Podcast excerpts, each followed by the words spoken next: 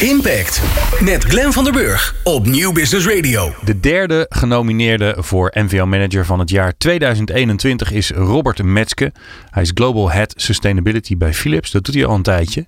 En de jury zegt het volgende over hem. Uh, Robert is een toonbeeld van een duurzaamheidsmanager in de internationale corporate wereld. Robert is gepassioneerd, breed en diep georiënteerd en gaat voor meetbare resultaten.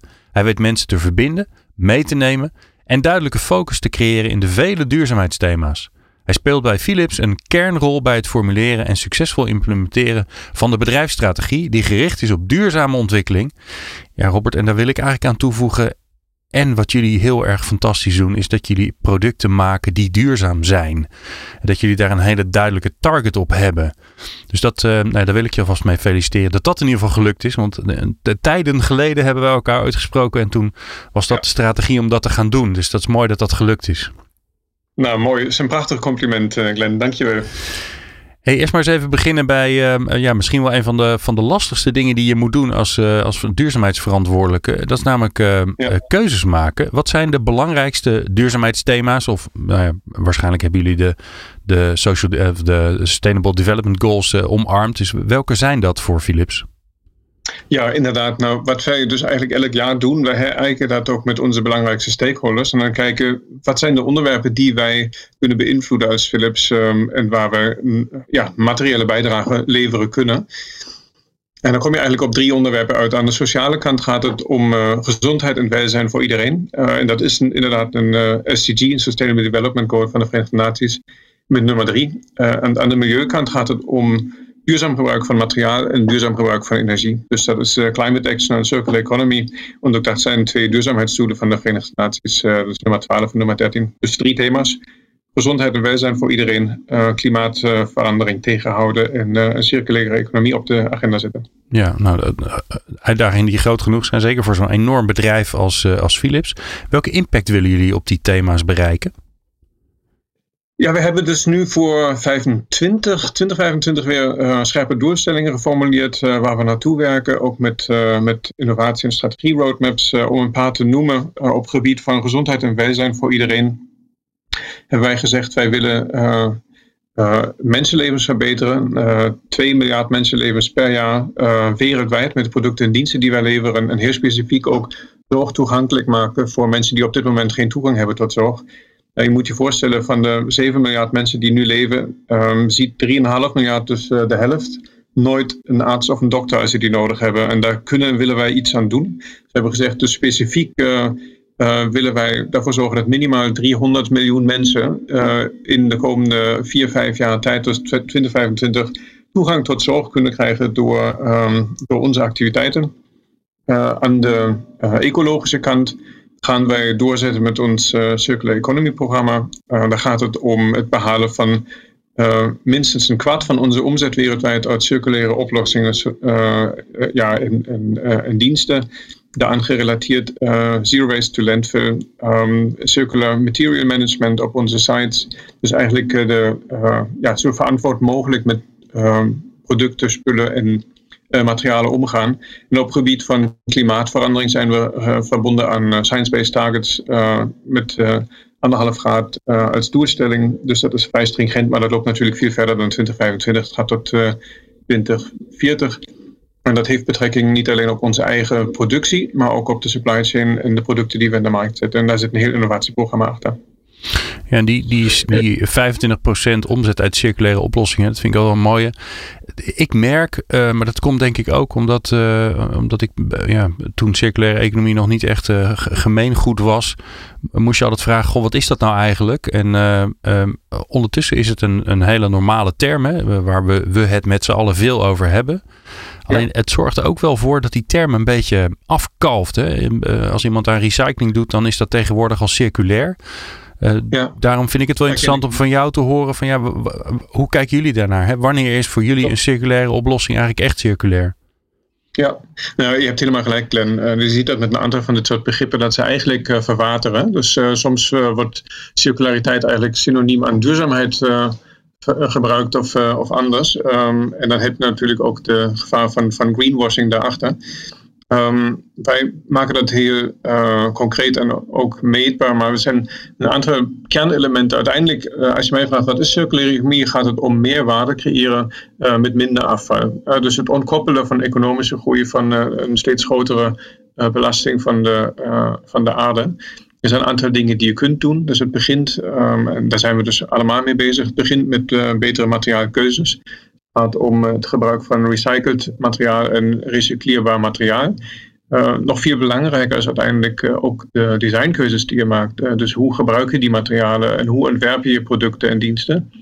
Um, denk bijvoorbeeld aan modulariteit. De afgelopen week is de nieuwe Fairphone 4 op de markt gekomen. Ik denk dat is voor veel mensen een begrip, een modulair telefoon, dat je kunt makkelijk waar je componenten kunt vervangen, repareren. Ja, dit soort dingen, daar zijn we bezig ook met hele grote medische apparaten. Uh, dus repareerbaarheid, uh, vervangen van modules, componenten, toekomstbestendig maken. Uh, de derde grote onderwerp zijn eigenlijk dan ook de verdienmodellen die daarachter zitten. Dus dat je niet alleen producten verkoopt, maar dat je dus diensten aanbiedt. Dus bijvoorbeeld patient monitoring as a service, om een voorbeeld te noemen. In plaats van een, zo'n hartslagmonitor te verkopen, bied je dus monitoring as a service aan. Met alles wat daarbij behoort. dan heb je dus ook veel meer grip op die materiaalstromen. Um, en de vierde, of misschien eigenlijk de eerste, is uiteindelijk ook uh, uh, dematerialisatie, dus digitalisering. Alles wat je digitaal kunt doen, kun je over de eer uh, verbeteren, upgraden. heb je veel minder spullen voor nodig um, en kun je meer functionaliteit bereiken, dus meer waarde creëren. Ik denk dat zijn de vier grote hoofdpoten. op basis daarvan hebben wij dus roadmaps uitgewerkt met al onze businesses om te kijken wat we kunnen doen om de voetafdruk van Philips en die van onze klanten ook verder te reduceren. Ja, mooi. Ja, mooi om, om, even dat overzicht weer te hebben. En ik vind vooral ja, dat design uh, en, en, die, en, en dat businessmodel, hè, dat, je, ja, dat je eigenlijk eigenaar blijft van de van, van de spullen, zodat je er ook verantwoordelijk voor blijft. Dat, die mis ik toch nog wel heel vaak als mensen het over circulair hebben. Dus mooi om te horen dat jullie daar uh, dat wel doen. Uh, uh, even naar, naar jou, hè? want jij bent, het is mooi dat Philips allemaal mooie dingen doet, maar jij bent als mens genomineerd als ja. MVO-manager van het jaar.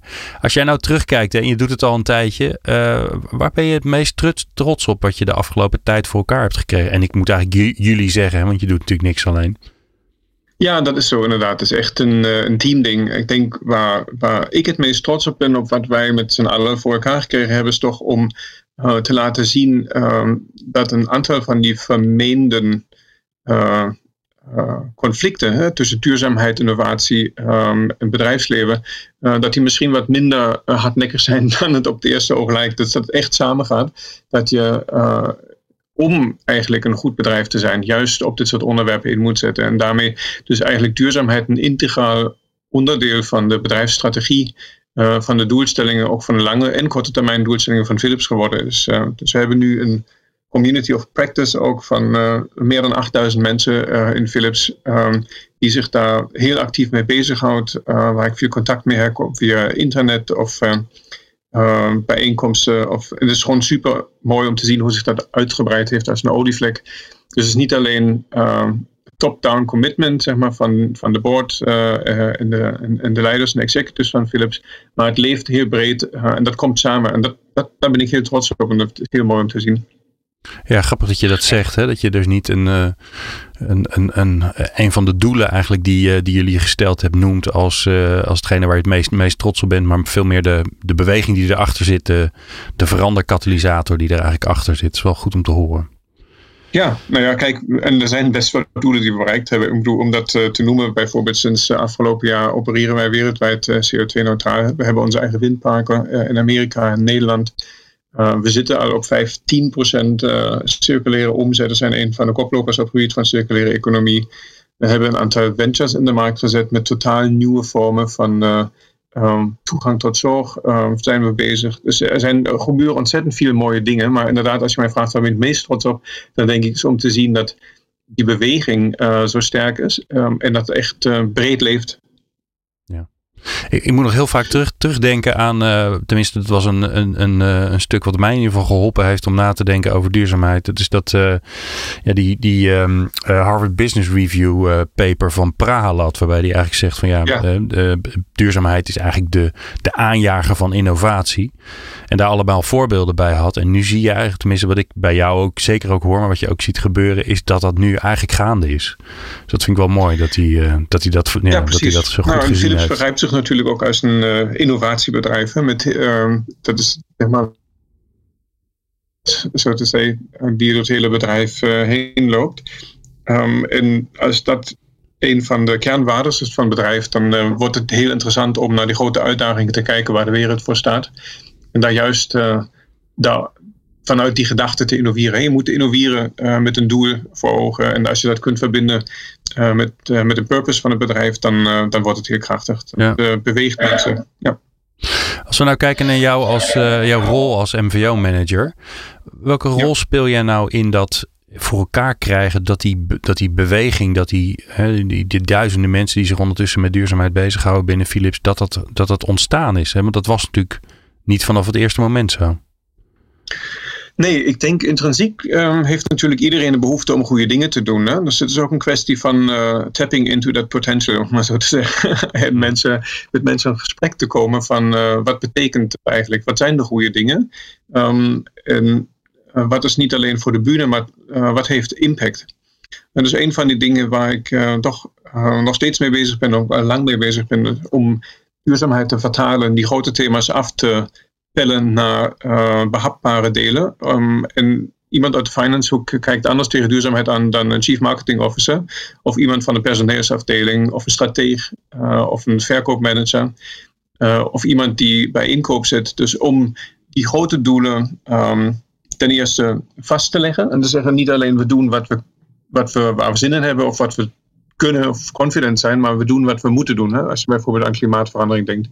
En dat dan vervolgens te vertalen in gesprek uh, met mensen uit alle lagen van de organisatie naar wat kun jij doen, wat moet jij doen en die dingen orchestreren bij elkaar brengen.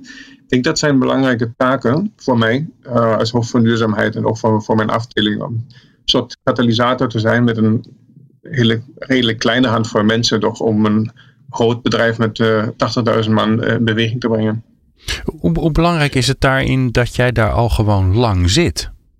Ja, want je, je, als je zeg maar normaal kijkt naar een, naar een gemiddelde uh, carrière, dan, uh, nou, dan gaat iedereen rond de, rond de, uh, om de vijf jaar zo'n beetje wat anders doen. Jij zit er al, al ja. langer. Hoeveel, hoeveel... Nou, eigenlijk niet. Het ligt eraan hoe je het kijkt. Kijk, ik ken het bedrijf heel lang. ik ben dus in 2008 ben ik begonnen met verantwoordelijkheid voor een duurzaam innovatieprogramma. Maar ik heb natuurlijk verschillende rollen en functies binnen, binnen het bedrijf gehad. Uh, ik heb ook uh, jarenlang in de strategieafdeling gezeten, mijn chef-staf uh, geweest voor innovatie en strategie. Dus ik heb verschillende kanten van het bedrijf gezien. Maar um, het feit dat ik Philips goed ken, helpt natuurlijk om te weten waar je moet zijn. Een redelijk complexe organisatie en mensen snel aan elkaar te kunnen koppelen. Um, en ook die laterale zicht, hè, duurzaamheid gaat vaak over dingen te bekijken van, van inkoop tot en met het in de markt is. Um, dat helpt, dat helpt het gewoon als je, een, als je een bedrijf en een organisatie goed kent. Ja. Waar ben je nou goed in? Wat is nou hetgene waar jij, wat je, wat je moeiteloos afgaat? nou, moeiteloos. Um, ik denk wat ik, uh, uh, wat ik hoor um, van mensen is dat ik uh, in staat ben om moeilijke onderwerpen redelijk begrijpelijk uit te leggen. Ik denk dat het bij het vak.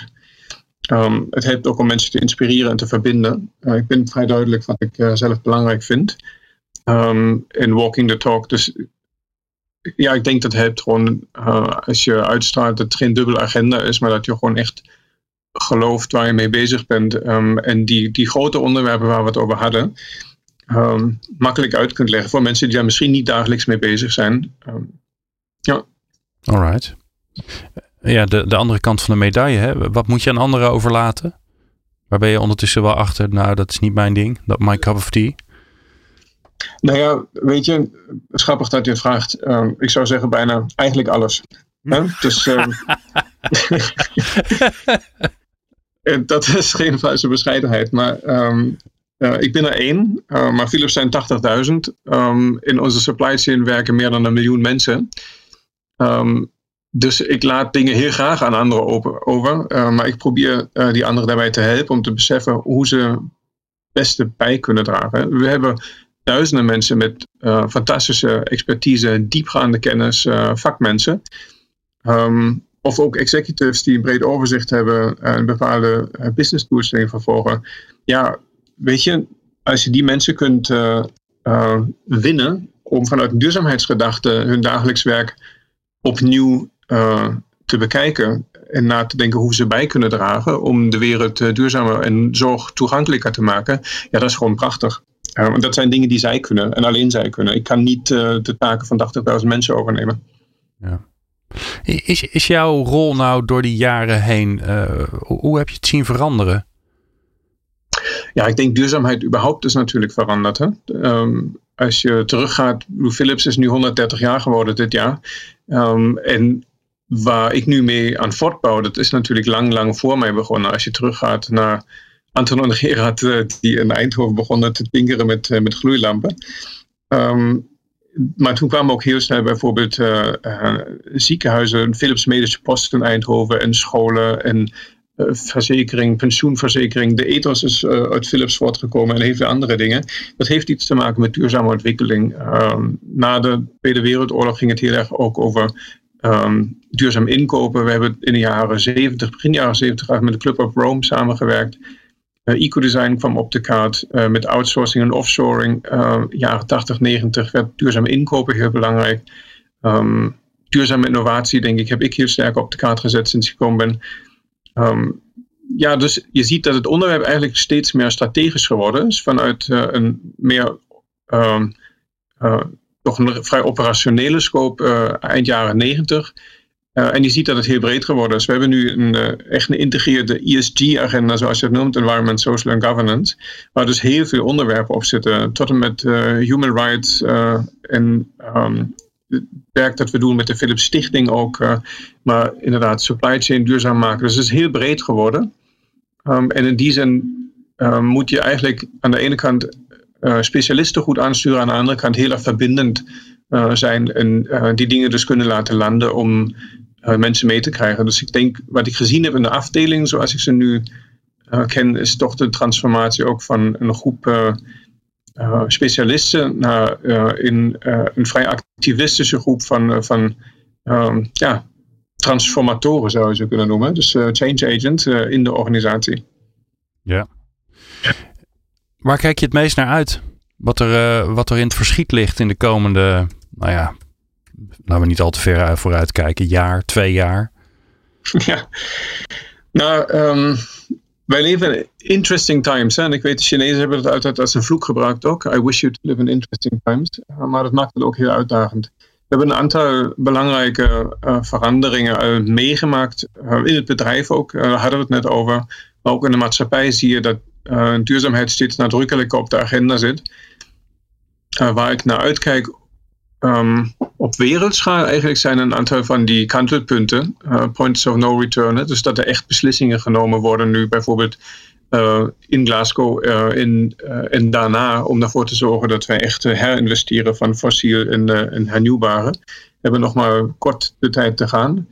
Um, op bedrijfsniveau kijk ik heel erg daarna uit uh, dat we de omzetting zien van de, de, roadmaps waar we het over hadden. Dus uh, hoe gaan we nou echt daadwerkelijk daarvoor zorgen dat 2025 alle producten van Philips uh, het ecodesign proces doorlopen hebben. Dat we dat de komende jaren alles in lijn is met ook science-based targets als het om klimaatverandering gaat. Ik zou heel graag willen zien dat onze uh, social impact ventures uh, groeien. Um, en dat we inderdaad dus ook uh, die 300 miljoen mensen toegang tot zorg kunnen helpen. Dat zijn eigenlijk de grote dingen. Maar als je mij vraagt op persoonlijk niveau, ja, ik kijk eigenlijk uit naar, naar elke nieuwe week, elke nieuwe dag om met mijn team aan dit soort prachtige onderwerpen te kunnen werken. Dat geeft me heel veel energie. Mooi. Fantastische afsluiting. Dankjewel uh, Robert Metske. En, en, net als alle, uh, alle andere genomineerden, de beide dames die genomineerd zijn voor MVO Manager van het jaar, hoop ik ook dat jij wint. Ik hoop eigenlijk dat iedereen wint. Ik ben een beetje vervelend om te kiezen uit, uh, uit drie mensen die het gewoon fantastisch hebben gedaan. Ja, ik denk er zijn geen verliezers inderdaad. Het is nee. super mooi om samen een van die drie te zijn. Maar ook al die andere duurzaamheidsmanagers in Nederland die daar elke dag voor staan. Ik denk het gaat vooral om dat gesprek en die dialoog van elkaar leren. Dus eh, heel veel dank ook voor het eh, interview, Glenn. Heel graag gedaan. Leuk je weer te spreken.